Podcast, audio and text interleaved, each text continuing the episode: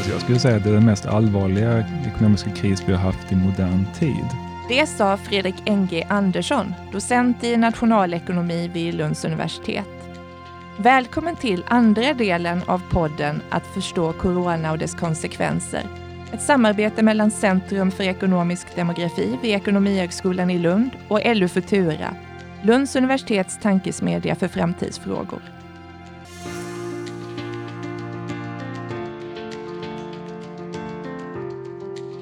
I och med corona är mycket annorlunda. Vi lever i en unik situation då samhällen stängs ner. Att samhället abrupt eller gradvis stängs ner innebär naturligtvis stora omställningar för oss som individer, men är också ytterst påtagligt för ekonomin. Människor kan inte leva som vanligt, konsumtionen förändras, minskas för många samtidigt som vissa hamstrar eller preppar inför det okända. Många har förlorat jobbet och det pratas om kommande massarbetslöshet. Företag går i konkurs då efterfrågan på deras produkter och tjänster rasar. Den värld som vi vant oss att leva i i globaliseringens tid hänger inte ihop på samma sätt och transporter minskar, gränser stängs, nationer väljer olika strategier för att minska coronas spridning. Vi lever i en tid av osäkerhet, både avseende viruset, hur det ska bekämpas och vilka dess konsekvenser kommer att bli. För egen del har det blivit tydligt hur lite jag vet om corona. I förra delen av denna podd lärde vi oss vilket lömskt, nytt virus det är, men också att vi lär oss mer för varje dag om det. Detta gäller både för viruset och hur det fungerar och för hur samhället och ekonomin fungerar. Ändå upplever jag, och säkert många med mig, stundtals stor förvirring i kombination med att översköljas av olika, ibland motstridiga rapporter. Är det kris eller en tillfällig dipp? Då är det bra att finnas i en organisation som Lunds universitet som sysslar med kunskapsproduktion bland kollegor som vet enormt mycket om en massa saker, inklusive corona, men också hur vi bättre kan förstå det nya viruset, pandemin och krisen som följer i ljuset av tidigare erfarenheter. Välkommen till podden Att förstå corona och dess konsekvenser som är ett samarbete mellan Centrum för ekonomisk demografi vid Ekonomihögskolan och LU Futura. Jag heter Maria Stanfors och är professor i ekonomisk historia samt medlem av LU Futura. Med mig har jag Jonas Björk, professor i epidemiologi, Martin Dribe, professor i ekonomisk historia och föreståndare för Centrum för ekonomisk demografi, Therese Nilsson, docent i nationalekonomi, Fredrik NG Andersson, docent i nationalekonomi och Fredrik Sjöholm, professor i nationalekonomi. Alla fulla med kunskap och verksamma vid Lunds universitet. Podden är uppdelad i två delar som med fördel kan avlyssnas i följd men också separat. Den första delen handlade om att förstå corona som fenomen mot en historisk bakgrund av tidigare pandemier. Denna del, som är den andra, handlar om de ekonomiska konsekvenserna av corona, vad vi har att vänta och eventuellt ska leva med i den nära framtiden. Nu kör vi! I media hör vi larmrapporter om en ekonomi i fritt fall nästan varje dag. Den svenska precis som andra regeringar och EU, lanserade ena krispaketet efter det andra. Stora mängder nya pengar som ska stötta ekonomier för att undvika krasch och depression. Fredrik NG Andersson, hur allvarlig är den ekonomiska krisen? Alltså jag skulle säga att det är den mest allvarliga ekonomiska kris vi har haft i modern tid. Eh, om vi tar USA som exempel, så har man på två månader gått från att ha den lägsta arbetslösheten på 50 år till att ha den högsta sedan den stora depressionen. Tittar vi på svensk ekonomi och prognoser över svensk ekonomi, som naturligtvis är osäkra, men de pekar på att vi kanske kan få vår ekonomi att den krymper med 5 till 10 procent i år och att arbetslösheten dubbleras till kanske närmare 15 procent. Och skulle det inträffa, då har vi den snabbaste och det mest dramatiska fall i vår ekonomi som vi har haft sedan slutet på första världskriget. Alltså vi kommer ha en större nedgång i vår ekonomi än under 90-talskrisen, på 1990-talet, eller den stora depressionen på 30-talet, eller den internationella finanskrisen 2008. Sen kanske inte alla riktigt upplever den här krisen lika dramatiskt just nu. För Det har gått så väldigt fort, vi förstår kanske inte riktigt vad det är som håller på att, eh, att hända. Och jag tror många har förväntan om att det här ska gå över ganska snabbt. tittar vi på börsen till exempel så har den bara fallit med lite drygt 10 procent och där finns det tydligt en, en förväntan om att till hösten och eh, början på nästa år så kommer allting gå upp igen. Men jag tror att man, man misstar sig där, därför att när man får den här typen på stora, stora fall i ekonomin så brukar de ge ett avtryck i våra samhällen som varar ganska länge. Men vad är det som gör den här ekonomiska krisen så allvarlig jämfört med tidigare kriser? Alltså det som är speciellt med den här krisen är att i vanliga fall, om, man, om man tänker på de här stora kriserna vi har haft, så har de, liksom, de har skapats av att efterfrågan i ekonomin har sjunkit väldigt fort. Det kan vara exempel under en, en finanskris när hushåll och företag inte vågar eller inte kan konsumera och investera lika mycket som tidigare. Då faller efterfrågan och när efterfrågan faller så kan man inte sälja, då producerar man mindre och så stiger arbetslösheten. Den typen av kriser vet vi hur man ska hantera, för då använder vi ekonomiska stimulanser för att gå in för att höja efterfrågan igen och så kommer ekonomin tillbaka. I det här fallet så är problemet att vi stänger ner ekonomin. Så man får inte lov att konsumera. Alltså vi har hushåll och företag som vill investera, som vill konsumera, men de får inte lov på grund av alla restriktioner. Och Det gör ju att vi skapar ju krisen med de här nedstängningarna och de här gamla traditionella verktygen vi har för att mildra effekten fungerar ju inte då. Så vi får ju en konflikt mellan att bekämpa viruset genom att stänga ner och försöka hålla ekonomin igång. Och jag vet att det finns väldigt många som sätter det här som en, en konflikt mellan det mjuka och det hårda, men det stämmer inte riktigt därför att vi behöver ju en välfungerande ekonomi för att skapa de resurser som krävs för, för vår välfärd. Så det finns ingen konflikt här mellan, mellan det mjuka och det hårda. Och vi i Sverige har ju då valt en lite mindre restriktiv linje för att försöka hålla vår ekonomi med, igång lite mer. Problemet för Sverige är ju att vi eh, är så oerhört globaliserade. Så att över hälften av allt vi producerar exporteras. Så att vi drabbas ju väldigt mycket av vad som händer i vår omvärld. Så när det är lockdown i andra länder så spelar det direkt över på Sverige oavsett vad, vad vi gör. Okej.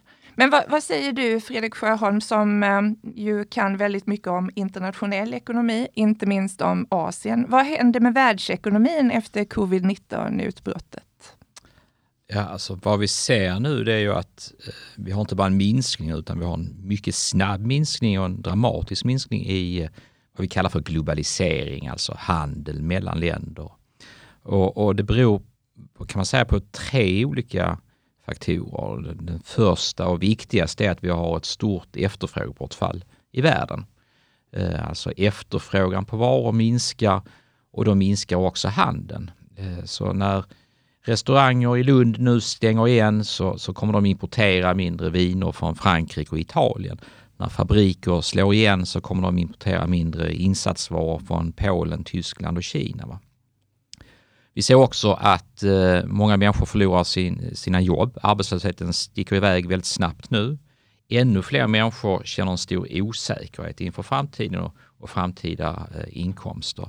Och det gör att man drar ner på konsumtionen, framförallt konsumtion av vad vi kallar för eh, kapitalvaror. Och återigen, detta leder då till, till en minskad handel. Så det är det viktigaste förklaringsfaktorn är att vi får ett efterfrågebortfall. Men sen har vi också fått störningar i företags produktionskedjor. Eh, jag tror man kan säga att det är en av de absolut mest eh, största förändringar i företags sätt att organisera sin verksamhet under de senaste eller låt oss säga 30 åren, det är att man har blivit väldigt duktiga på att dela upp produktionen i, i små delar och sen lägger man olika bitar i, i, olika länder där det är mest effektivt. Och det har då lett till, till eh, förbättrad effektivitet och ökad tillväxt. Men det har också gjort företag sårbara för störningar i de här produktionskedjorna. Och vi ser nu det att helt plötsligt saknar man någon komponent och då får hela verksamheten slå igen. Va? Jag tror det ett fall som diskuterades i, i, media nyligen var Scania lastbilar till exempel. Scania de importerar tusentals eh, olika insatsvaror och komponenter. Och så var det en fabrik i Frankrike, tror jag om jag minns det rätt, som eh, producerade någon del till karossen och de fick slå igen. Och då fick hela Scanias verksamhet slå igen.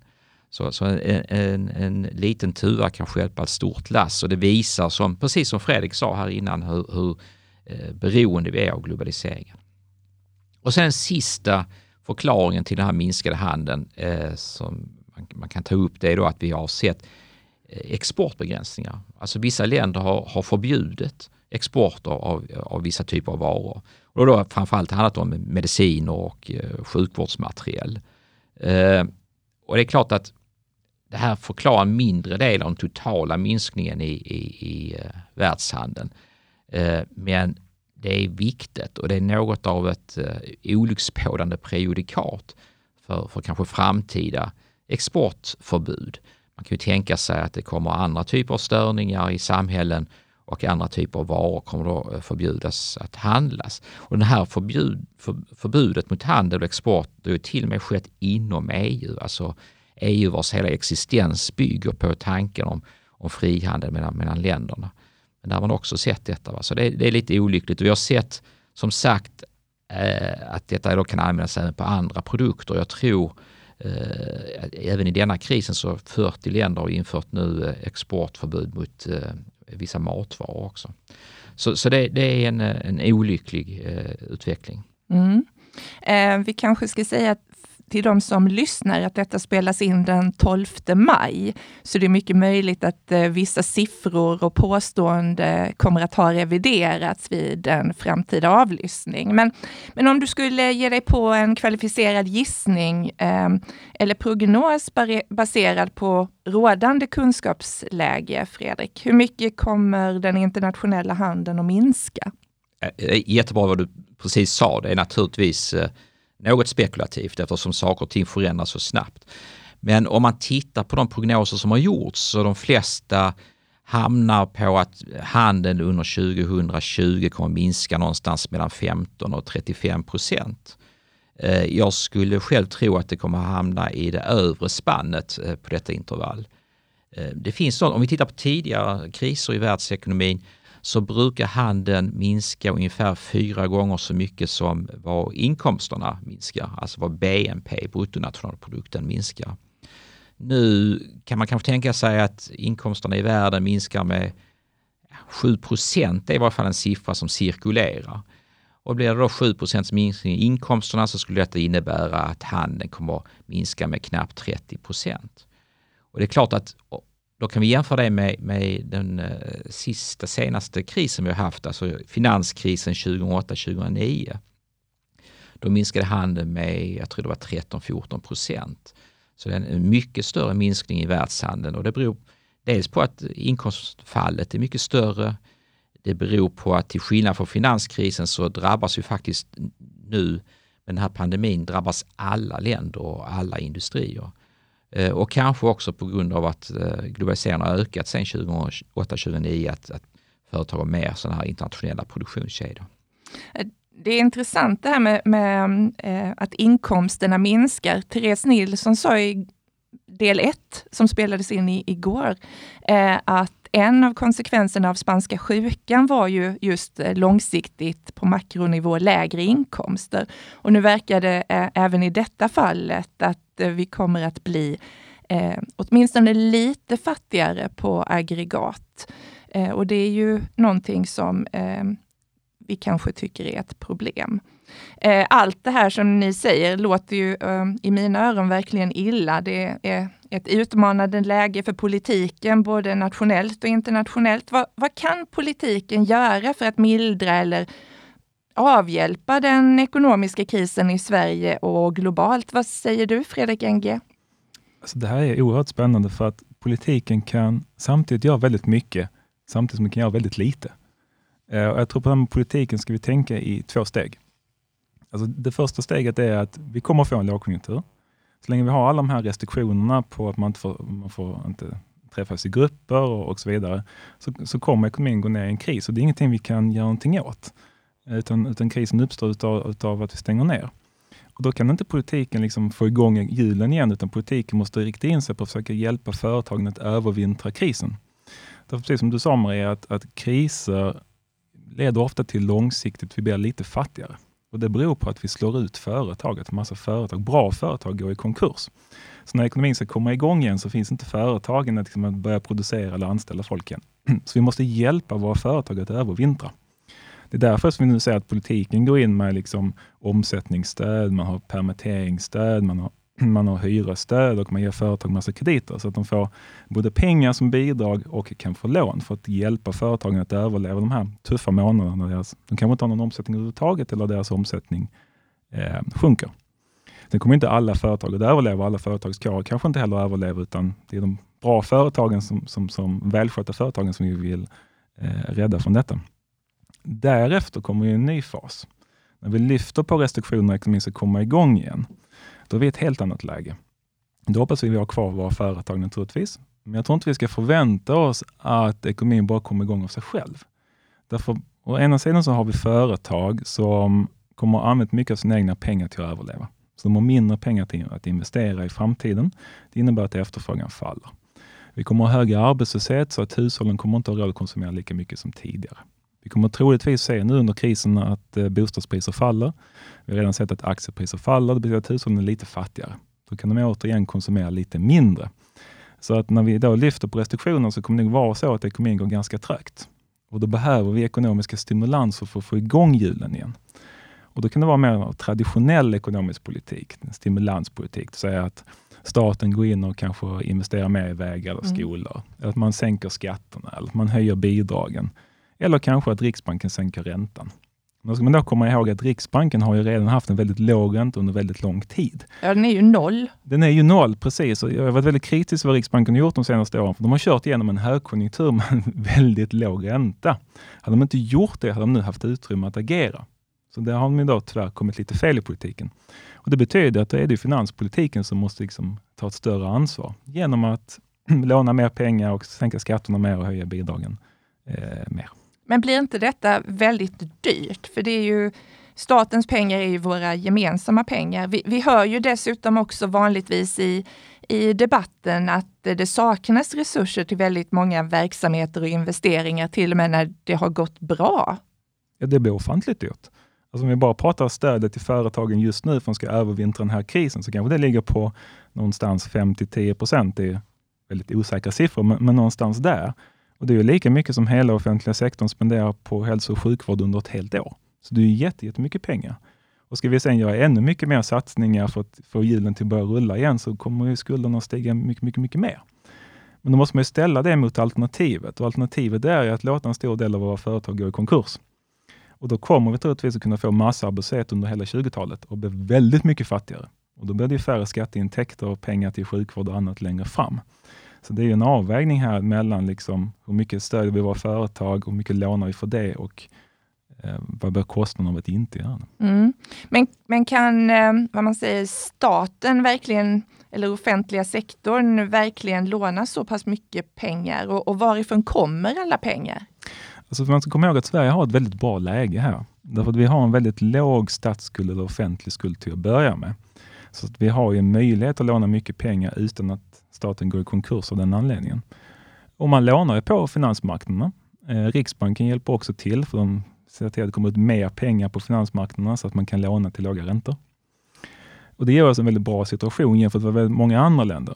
Därför man ta länder som USA, eller Frankrike eller Italien, så börjar de med en statsskuld i förhållande till storleken på ekonomin som kanske är tre, fyra gånger högre än Sverige.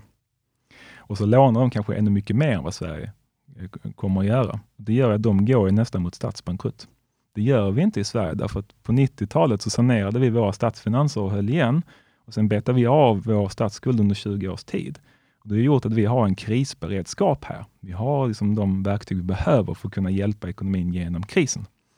Så vi har ju nästan en, en, en guldsituation här, att vi kan ju stötta vår ekonomi och komma igenom detta på ett väldigt bra sätt utan att totalt ha förstört statsfinanserna. Sen får vi bara hoppas att vi, vi lär oss av 90-talet igen så att vi därefter börjar eh, återställa balansen i statsfinanserna. Men det kommer ju då betyda skattehöjningar och, och eh, nedskärningar i utgifterna. Ja, alltså för mig så är det att trots detta är väldigt intressant och, och ger förklaringar till vad, vad det är vi ser och upplever nu, så, så låter det ju onekligen som dystert, kan man säga. Det är dystert och det är klart att man ska man ska inte glömma att nu pratar vi om samhälle, vi pratar om eh, länders ekonomier, men det, det, består ju av individer och familjer. Eh, och det kommer säkert få effekter där, men det vet jag ju att du Maria har ju skrivit en hel del om just familjer och individer och eh, vad säger du, vad, vad, kan, man, vad kan man förvänta sig för effekter på denna så kallade mikronivån? Ja, det jag har sysslat med är ju rätt mycket vad som händer inom familjer, både när ekonomin går bra och när den går mindre bra. Eh, naturligtvis så är det en utmaning för många familjer att eh, om samhället stängs ner. Eh, och ehm, jag, jag, vill först säga att det här är en helt unik situation som har in, aldrig inträffat tidigare. Så det finns ju ingen forskning på eh, hur familjer drabbas av att inte eh, en ekonomi eller samhället gradvis eller abrupt stängs ner. Eh, det innebär ju naturligtvis stora omställningar, inte bara för ekonomin men också för individer och hur familjer fungerar. Det finns ju forskning till exempel på arbetslöshet och hur det drabbar familjedynamik. Eh, men jag skulle säga att för vuxna handlar det väldigt mycket om att den professionella rollen förändras. Vissa förlorar jobbet. Andra ska idag jobba hemifrån och vissa tvingas vara hemma om till exempel förskola och skola stängs ner.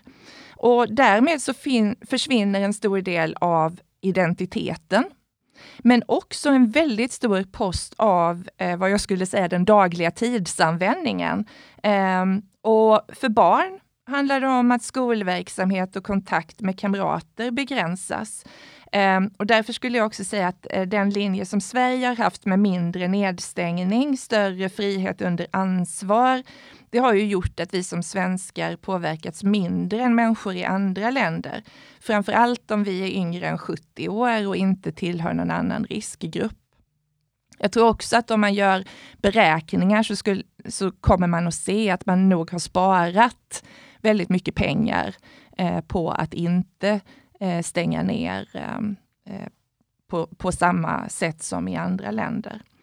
Eh, men det jag har tittat på är ju att eh, vi som familjer i Sverige idag faktiskt spenderar väldigt mycket tid tillsammans. Mer än vad vi gjorde för 20 år sedan och väldigt mycket mer än vad vi gjorde för 60 år sedan.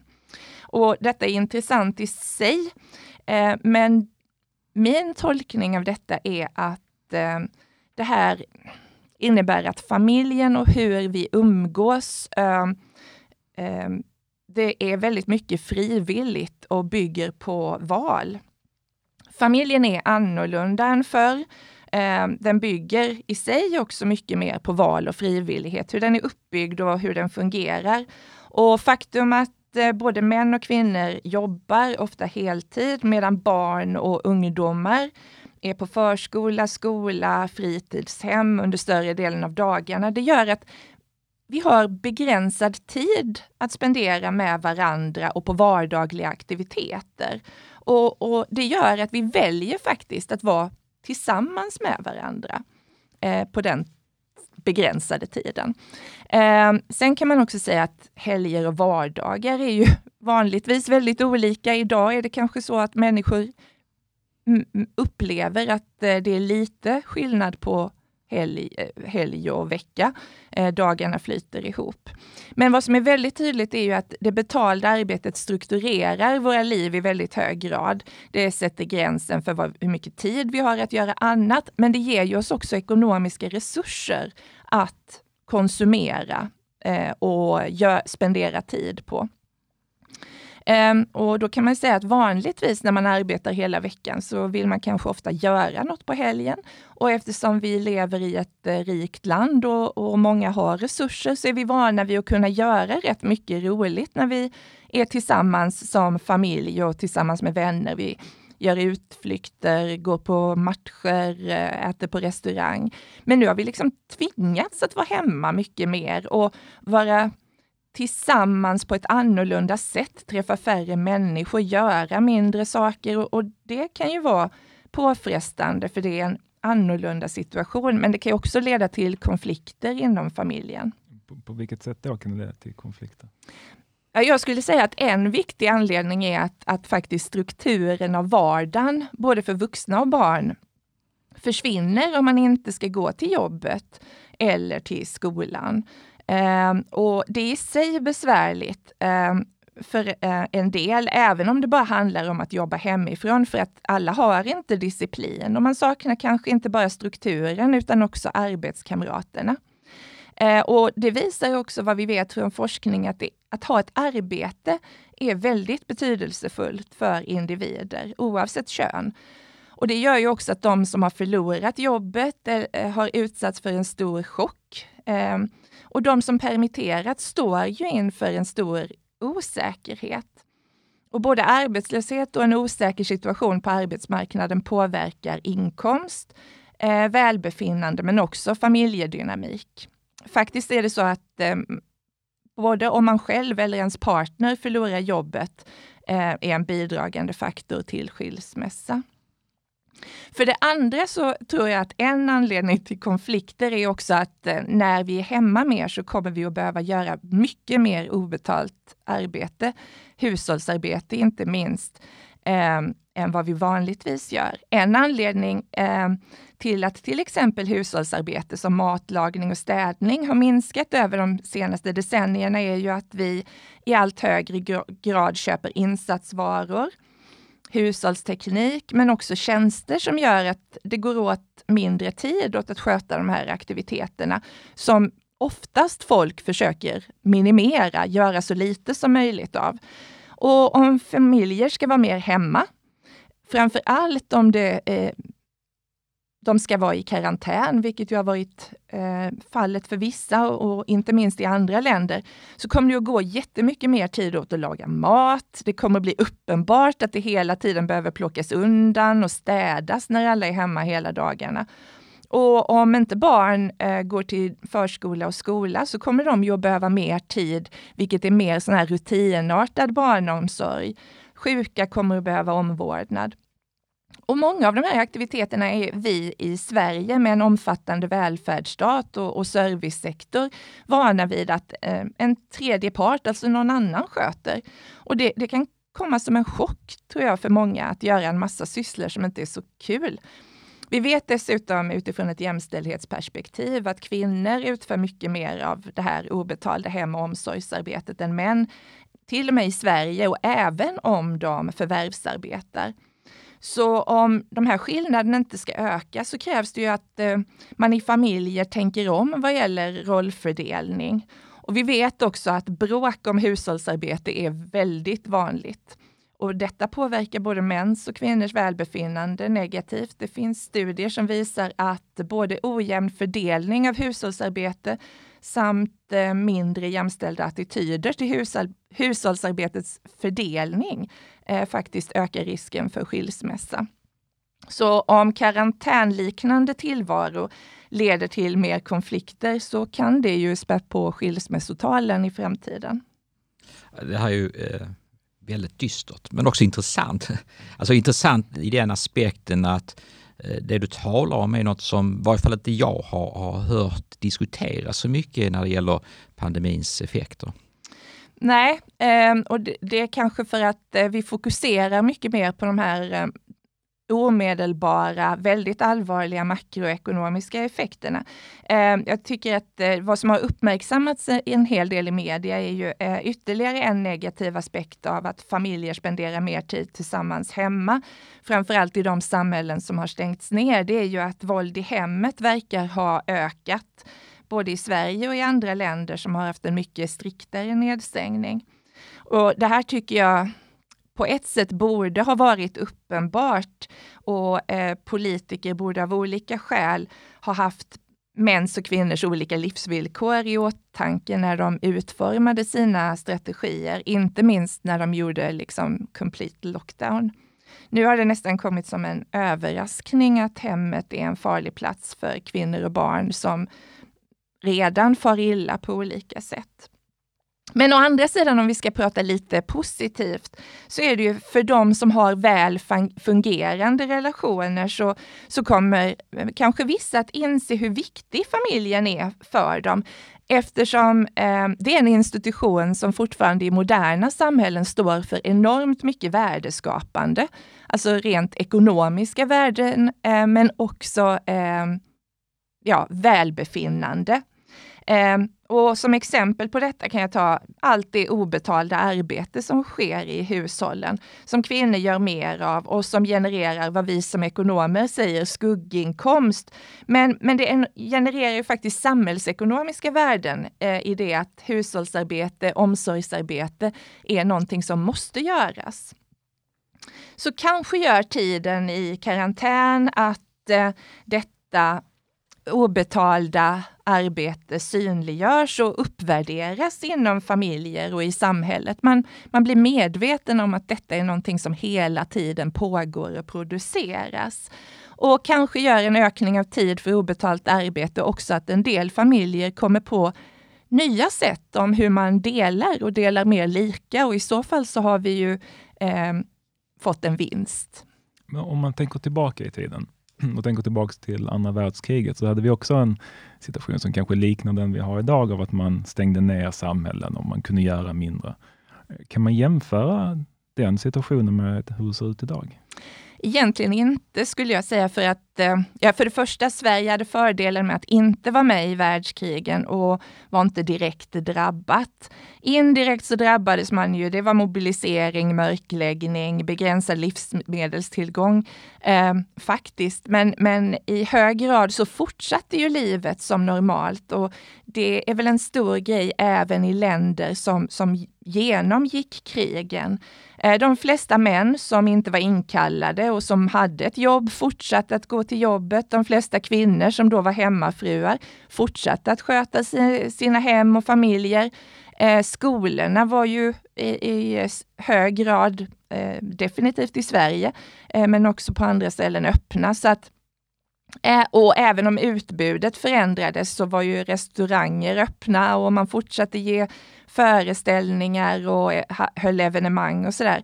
Det fanns ju ett yttre hot, men, men det var annorlunda än vad situationen är idag. Idag har vi liksom smittan bland oss och det, det handlar om att minimera att den sprids eh, för att vi ska rädda liv och skapa en hållbar situation för sjukvården. Um, jag tror det är an väldigt annorlunda idag. Vi kommer definitivt att prata om den här tiden eh, då corona drabbade världen och påverkade oss på olika allvarliga sätt. Men jag tror att berättelserna om den här tiden kommer att vara väldigt annorlunda än de som vi har hört från de som upplevde eh, till exempel andra världskriget och den stora depressionen på 30-talet. Men så, okej, okay, denna krisen är annorlunda än till exempel andra världskriget. Men kan man utifrån vad du sa om hur familjer påverkas och hur arbetsuppgifter fördelas, kan man säga någonting om hur den här coronakrisen kommer att påverka jämställdheten? Ja, det är naturligtvis svårt att, att, säga, men, men, eh, och vi har inga data på just eh, hur det ser ut nu. Men, men jag har faktiskt studerat tidsanvändning efter den långvariga 90-talskrisen i Sverige och andra länder och då visat på resultat på mindre könsskillnader, både vad gäller det betalda och obetalda arbetet efter krisperioden.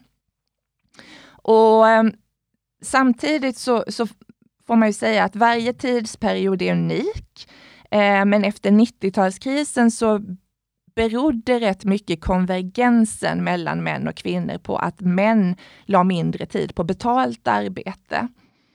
Eh, och Sen kan man också säga att vi har en tendens att för varje decennium så blir vi som befolkning mer jämställda, framför allt för att de yngre verkar liksom komma in i, i um, undersökningsbefolkningarna med mer jämställda attityder och praktiker. Och, och, om denna tendens håller i sig så skulle vi kunna se en, en mer jämställd arbetsdelning i svenska hushåll då vi mäter eh, som i tidsanvändningsundersökningen som ska äga rum nästa år. Eh, den kan ju vara liksom en, en trend, men det kan ju också bero på att vi är inne i en kris och att det påverkar. Eh, och det återstår ju att se. Men jag tror att eh, jag tror också att många kommer att inse hur viktigt arbetslivet är för de flesta vuxna och hur viktigt skola och förskola är för barns utveckling. Eh, och hur viktigt det är att vi har fungerande institutioner och samhälle som håller ihop. Och, eh, detta, precis som liksom, jämställdhet, är någonting vi ofta tar för givet i Sverige. Eh, vi har idag sett en jättestor betoning på hur viktig sjuk och omsorgssektorerna är. Och det är de ju. Eh, men jag skulle hoppas på att den här krisen leder till att vi, vi eh, tar med oss en medvetenhet om att vi måste organisera de här sektorerna på ett annat sätt och att de som arbetar i de här sektorerna, många kvinnor, eh, får uppleva att deras arbete uppvärderas, både i termer av arbetsvillkor och löner. För de yrken som, som idag applåderas och karaktäriseras som samhällsviktiga är ju i hög grad yrken som inte betalas särskilt högt och vars villkor eh, har försämrats under de senaste ja, tio åren. Och vi, vi, behöver en hållbar nationell strategi för vård och omsorg eh, och dess pers personal. Eh, och det innebär både högre löner och bättre arbetsmiljö. Och detta skulle ju påverka jämställdheten på svensk arbetsmarknad positivt. Intressant. Så om jag förstår dig rätt så eventuellt kanske ökad jämställdhet som en effekt av, av den här krisen. Eh, Fredrik, skulle du kunna se någon, sådär, något positivt komma ut av, av, en, eh, av coronakrisen? Mm, kanske. Alltså, kriser historiskt sett har ofta varit vändpunkter både i politiken och ekonomin då här, nya idéer, nya tankesätt och sätt att göra saker kan, på kan få fotfäste. Um, så man skulle kunna tänka sig om man tittar nu på, vi alla måste använda en massa nya digitala verktyg, så vi kanske lär oss att använda dem och digitaliseringen går, går lite fortare.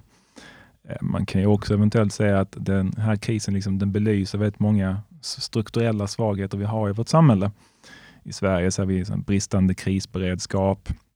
Vi ser problem i den Europeiska unionen med samarbetet, inte minst i, i euroområdet. Eh, vi ser också problem med, med, globaliseringen. Så det kan ju komma en... Liksom, corona kan ju driva på politiska processer som gör att vi får en, en, en lösning på de här problemen.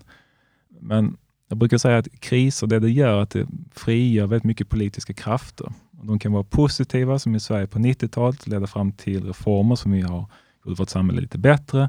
Eller de kan vara destruktiva, som på, på 30-talet som ledde fram till, till Hitler och sen till, till andra världskriget. Så att vi får väl hoppas på att den här krisen kan, kan ge någonting, som, någonting bra som, som löser våra problem, men, men ehm, det är någonting som framtiden får avgöra.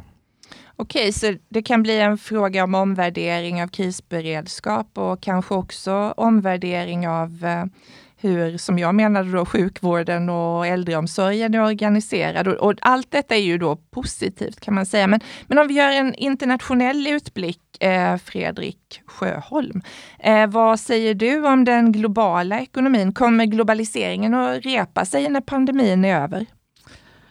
Det är troligt. Det är klart att första frågan är när är pandemin över? Nu, nu talas det om en andra våg till höst och så vidare.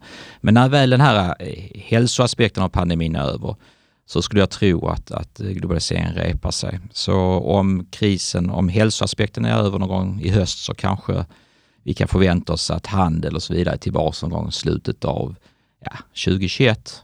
Eh, det kommer att ta tid efter att hälsoaspekten är, är över förrän eh, handeln har repat sig. Av de anledningar som Fredrik var inne på innan, var att eh, det tar tid innan nya företag eh, har startats och så vidare. Sen ska man ändå vara medveten om att jag tror att eh, världen imorgon kommer ändå vara annorlunda än världen av igår. Eh, till exempel så det vi var inne på innan med, med eh, produktionskedjor, Eh, att man är sårbar då för, för stopp och störningar i de här produktionskedjorna. Det kommer att göra att företag kommer att ha någon form av regional diversifiering. Alltså man kommer inte att förlägga all produktion av, av viktiga komponenter och insatsvaror till en fabrik i ett land. Så att istället för att producera den här komponenten bara i Kina så kommer man kanske producera den i både Kina och Polen. Alltså det, detta är något som de stora svenska företagen redan har strategier för och försöker eh, bemästra när det, när det kommer svårigheter här så gott det går. Men det går inte alltid som fallet Scania. Eh, men nu kommer vi också se att, att mindre företag kommer att börja fundera på var man eh, köper sina komponenter och insatsvaror ifrån. Jag tror att vi kommer se en viss hemtagning av speciellt viktig produktion. Alltså att på marginalen så kommer vi nu se lite mindre utlokalisering av produktion och att man producerar lite mer nära sin, eh, sitt eh, huvudkontor i, i Sverige eh, när det gäller speciellt känslig, känsliga eh, delar av produktionen. Och eh, slutligen kan man väl säga att jag tror en annan trend som vi kommer att se här nu, det är hela den här automatiseringen som redan pågår. Eh, men den kommer att intensifieras nu. Alltså robotar och maskiner har ju den fördelen att de kan liksom inte smittas av, av virus, i varje fall inte av den här bakteriella arten. Va?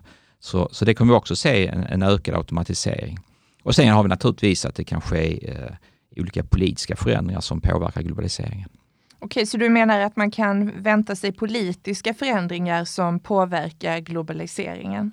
Jag tror det är väldigt troligt och jag skulle säga att politiska förändringar är det största hotet mot eh, globaliseringen. Eh, exakt hur det kommer att förändras här, det är väldigt svårt att spå om. Men eh, jag tycker man kan i varje fall erinra sig först och främst att vi hade ju en protektionistisk trend redan innan krisen. Alltså med protektionistisk trend menar vi att det var mindre frihandel och mer tullar och liknande. Och vi hade till exempel handelskriget mellan USA och Kina.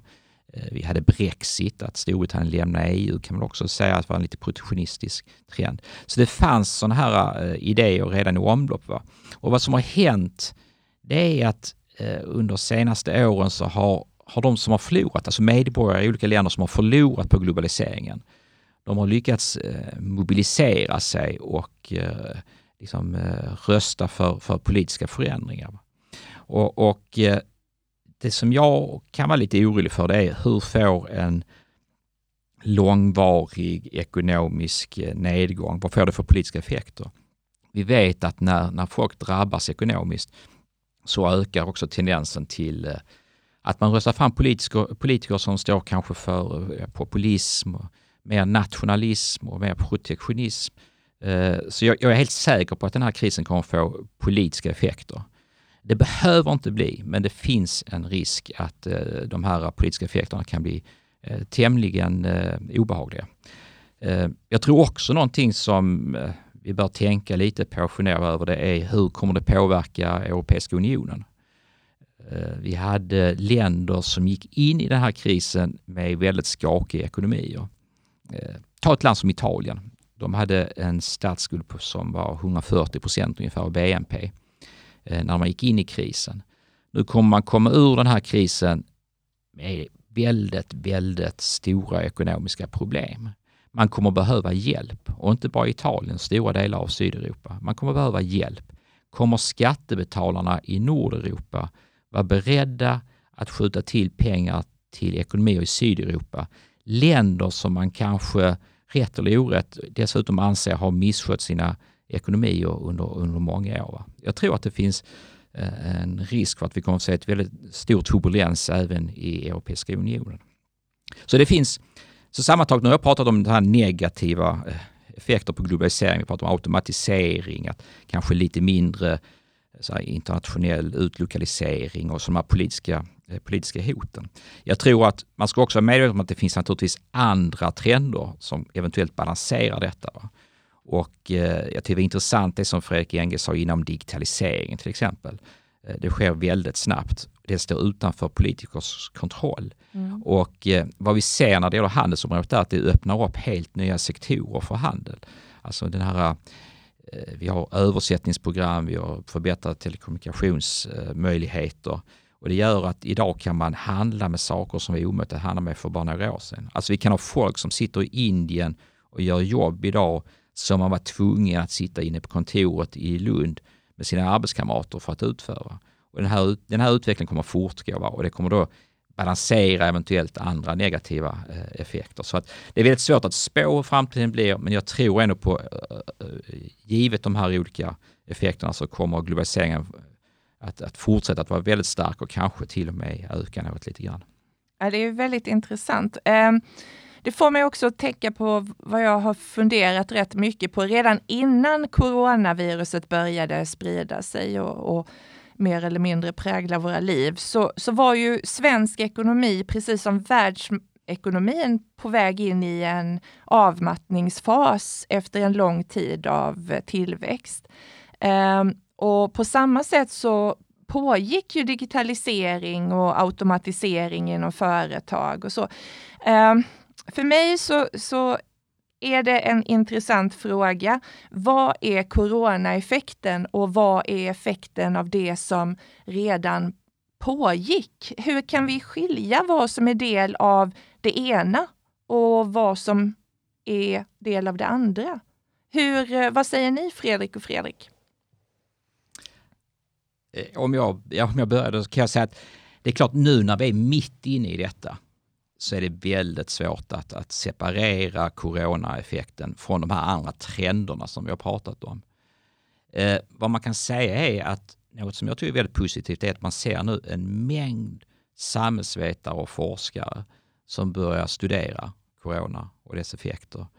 Och framförallt när, när det har gått lite tid, när det här värsta har blåst över, eh, man har data och liknande, så kommer, kommer många människor att, att studera det och vi kommer veta mycket mer. Eh, man kan ju säga att coronan har ju varit djupt problematiskt och olyckligt ur en mängd olika aspekter. Men det är klart som forskare och samhällsvetare så är det ju intellektuellt väldigt spännande. Va? Och mycket forskning kommer att uh, göras här nu framöver. Så förhoppningsvis skulle jag säga att vi kan svara på din fråga om, om ett år eller två år eller något sånt här. Vad säger du NG? Ja, alltså, jag ska säga, corona har väl egentligen två effekter. Den ena är att den skapar den här stora ekonomiska krisen som är djupare än vad den skulle varit. Så det är klart att vi skulle fått, troligtvis fått en lågkonjunktur 2020-2021, men inte med en arbetslöshet som är så stor som på 30-talet. Så den bidrar ju att skapa nytt där, men sen tror jag den är en katalysator på väldigt mycket. Det här med problemen i Europeiska unionen som vi pratat om tidigare, de har funnits tidigare. Digitaliseringen har funnits tidigare, bara att det liksom påskyndar de här eh, processerna. Och, och Ska vi avsluta med någonting positivt så, så det kommer att finnas väldigt många arbetsuppgifter för oss samhällsvetare och forskare framöver. Att kunna separera ut de här eh, effekterna. Tack Fredrik och Fredrik. Ni har ju verkligen hjälpt till att förklara vad som händer i ekonomin, både i Sverige och globalt och hur vi kan förstå den pågående ekonomiska krisen och varför den är annorlunda än tidigare kriser. De amerikanska ekonomerna Carmen Reinhardt och Ken Rogoff skriver i sin bok This time it's different att det är det vanliga sättet att tänka i samband med kriser, men den här gången verkar det ju vara annorlunda. Jag tyckte också att det var intressant att höra om de olika ekonomiska konsekvenserna av coronakrisens framtid. Även om jag antar att de kommer att påverka oss alla, inte enbart på ett positivt sätt, snarare kanske mest på negativa sätt. Eh, det verkar ju som att vi kommer att få leva med de ekonomiska konsekvenserna av corona under en lång tid efter viruset. Eh, förhoppningsvis har ni som lyssnat tyckt att det var lika intressant som jag. Är ni sugna på att lära er om vad corona och covid-19 är och hur den pågående pandemin kan förstås i ljuset av historiska erfarenheter från spanska sjukan i början på 1900-talet så kan ni lyssna på del 1 av denna podd. Jag vill tacka de som medverkade i den här delen. Fredrik Sjöholm, professor i nationalekonomi och Fredrik N.G. Andersson, docent i nationalekonomi. Jag vill också tacka Ulrika Oredsson och LU Konferens som såg till att det här kunde hända.